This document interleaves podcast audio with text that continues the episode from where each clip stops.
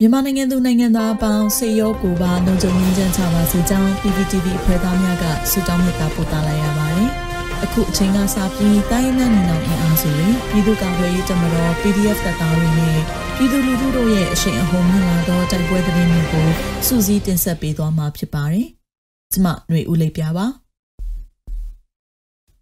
ပထမဆုံးအနေနဲ့မင်းကင်းဖက်ခက်ရွာအနီးစစ်ကောင်စီတပ်ဖွဲ့ကိုကနီမင်းကင်းကာကွယ်ရေးမဟာမိတ်တပ်ဖွဲ့များကနှစ်ကြိမ်မိုင်းဆွဲတိုက်ခိုက်ပြီး25ဦးခန့်သေဆုံးနိုင်တဲ့ဆိုတဲ့သတင်းတင်ဆက်မှာပါ။စကိုင်းတိုင်းမင်းကင်းမြို့နယ်ဖက်ခွက်ရွာအနီးတွင်စစ်ကောင်စီတပ်ဖွဲ့များကိုကရင်နီပြည်သူ့ကာကွယ်ရေးတပ်ဖွဲ့ KLG နဲ့မင်းကင်းမဟူယာကြောင်ရိုင်းမဟာမိတ်အဖွဲ့များက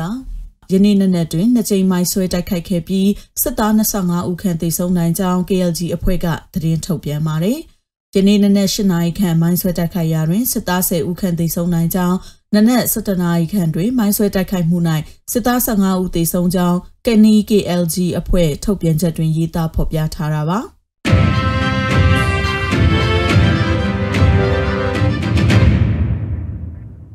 ဆက်လက်ပြီးရှမ်းမြောက်တွင်စစ်ကောင်စီတပ်နှင့် MNDAA ကြားဆယ်ရက်အတွင်းတိုက်ပွဲ၉ချိန်ဖြစ်ပွားခဲ့တဲ့သတင်းတင်ဆက်ပါမယ်။ ရှမ်းပြည်နယ်မြောက်ပိုင်းမုံကိုဒေသရှိကိုကန့် MNDAA စခန်းများရှိရာမရန်ဒေသ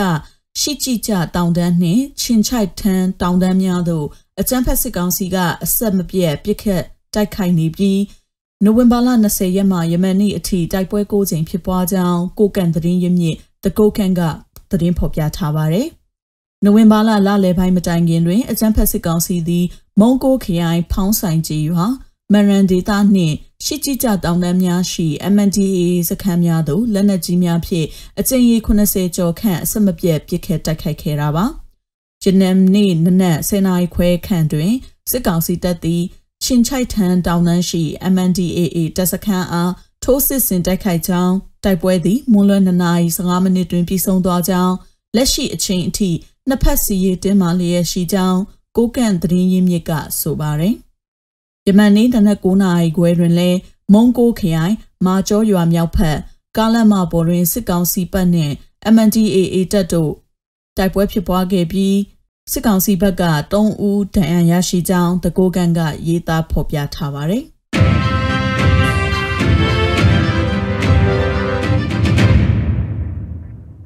ဆက်လက်ပြီးရှားတော်ပွန်ချောင်အနီးစစ်ကောင်စီတပ်ရှေ့တန်းစခန်းကိုကရင်နီပူးပေါင်းတပ်ဖွဲ့တိုက်ခိုက်နှစ်ရက်အတွင်းတိုက်ပွဲ၅ချိန်ဖြစ်ပြီးစစ်သား၃ဦးထပ်မံတေဆုံးတဲ့တရင်တင်ဆက်ပေးမှာပါ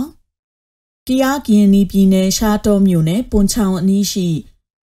စစ်ကောင်စီရှေ့တန်းတပ်စခန်းများကိုကရင်နီတပ်မတော် KA နဲ့ကရင်နီအမျိုးသားကာကွယ်ရေးတပ်ဖွဲ့တို့ကနိုဝင်ဘာလ25ရက်26ရက်နေ့များတွင်တိုက်ခိုက်ခဲ့ပြီးနှစ်ရက်အတွင်းတိုက်ပွဲ၅ကြိမ်ဖြစ်ပွားကစစ်ကောင်စီတပ်သား 3ဦးထပ်မံတေဆုံးကြောင်း KNDF ကသတင်းထုတ်ပြန်တာပါ။ပွန်ချောင်းအနီးရှိစစ်ကောင်စီရှေ့တန်းစခန်းကိုနိုဝင်ဘာလ25ရက်နနက်6နာရီခွဲတွင်တစ်ကြိမ်နနက်8နာရီ40တွင်တစ်ကြိမ်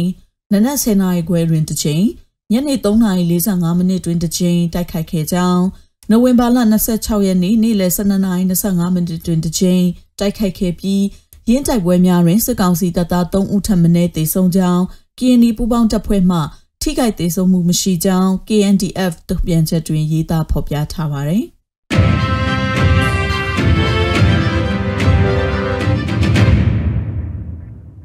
နောက်ဆုံးအနေနဲ့အမျိုးသားညီညွတ်ရေးအစိုးရပြည်ထရေးနဲ့လူဝင်မှုကြီးကြပ်ရေးဝန်ကြီးဌာနကနိုဝင်ဘာလ30ရက်ရက်စွဲနဲ့ထုတ်ပြန်တဲ့ပြည်သူ့ခုခံတော်လှန်စစ်တရင်အချက်လက်တွေကိုတင်ဆက်ပေးသွားမှာပါ။အာနာသိန်းအကြံဖက်စစ်အုပ်စု၏ပြည်သူလူထုအပေါ်အကြံဖက်ဖိနှိပ်ဖန်ဆီးတိုက်ခိုက်တပ်ဖြတ်နေမှုများကို ပြည်သူလူထုတရက်လုံးကအသက်ရှင်သန်ရေးအတွက်မိမိကိုယ်ကိုမိမိခုခံကာကွယ်ပိုင်ခွင့်အရာပြည်သူ့ခန့်စစ် People Defensive War ကိုဆင်နွှဲလျက်ရှိပါတယ်။တရင်အချက်လက်များအရာ29ရက်17လ2021ရက်နေ့တွင်စစ်ကောင်စီတပ်ဖွဲ့ဝင်32ဦးသေဆုံးပြီးထိခိုက်ဒဏ်ရာရရှိသူ10ဦးအထိခုခံတိုက်ခိုက်နိုင်ခဲ့ပါတယ်။စစ်အာဏာရှင်စနစ်မြမမြေပေါ်မှအပြည့်တိုင်ချုပ်ငြိမ်းရေးနဲ့ Federal Democracy တည်ဆောက်ရေးအတွက်ငြိမ်းချမ်းစွာဆန္ဒပြသည့်လူထုတပိတ်တိုက်ပွဲများက ပြည်내နဲ့တိုင်းဒေသကြီးများမှာဖြစ်ပွားပေါ်ပေါက်လျက်ရှိပါတယ်။မြေပြင်မှာယခုတွေ့ရတဲ့သတင်းချက်လက်များထက်ပို၍ဖြစ်ပွားနိုင်ပါတယ်ရှင်။ရေတော်ဘုံအောင်ရမည်ရေတော်ဘုံအောင်ရမည်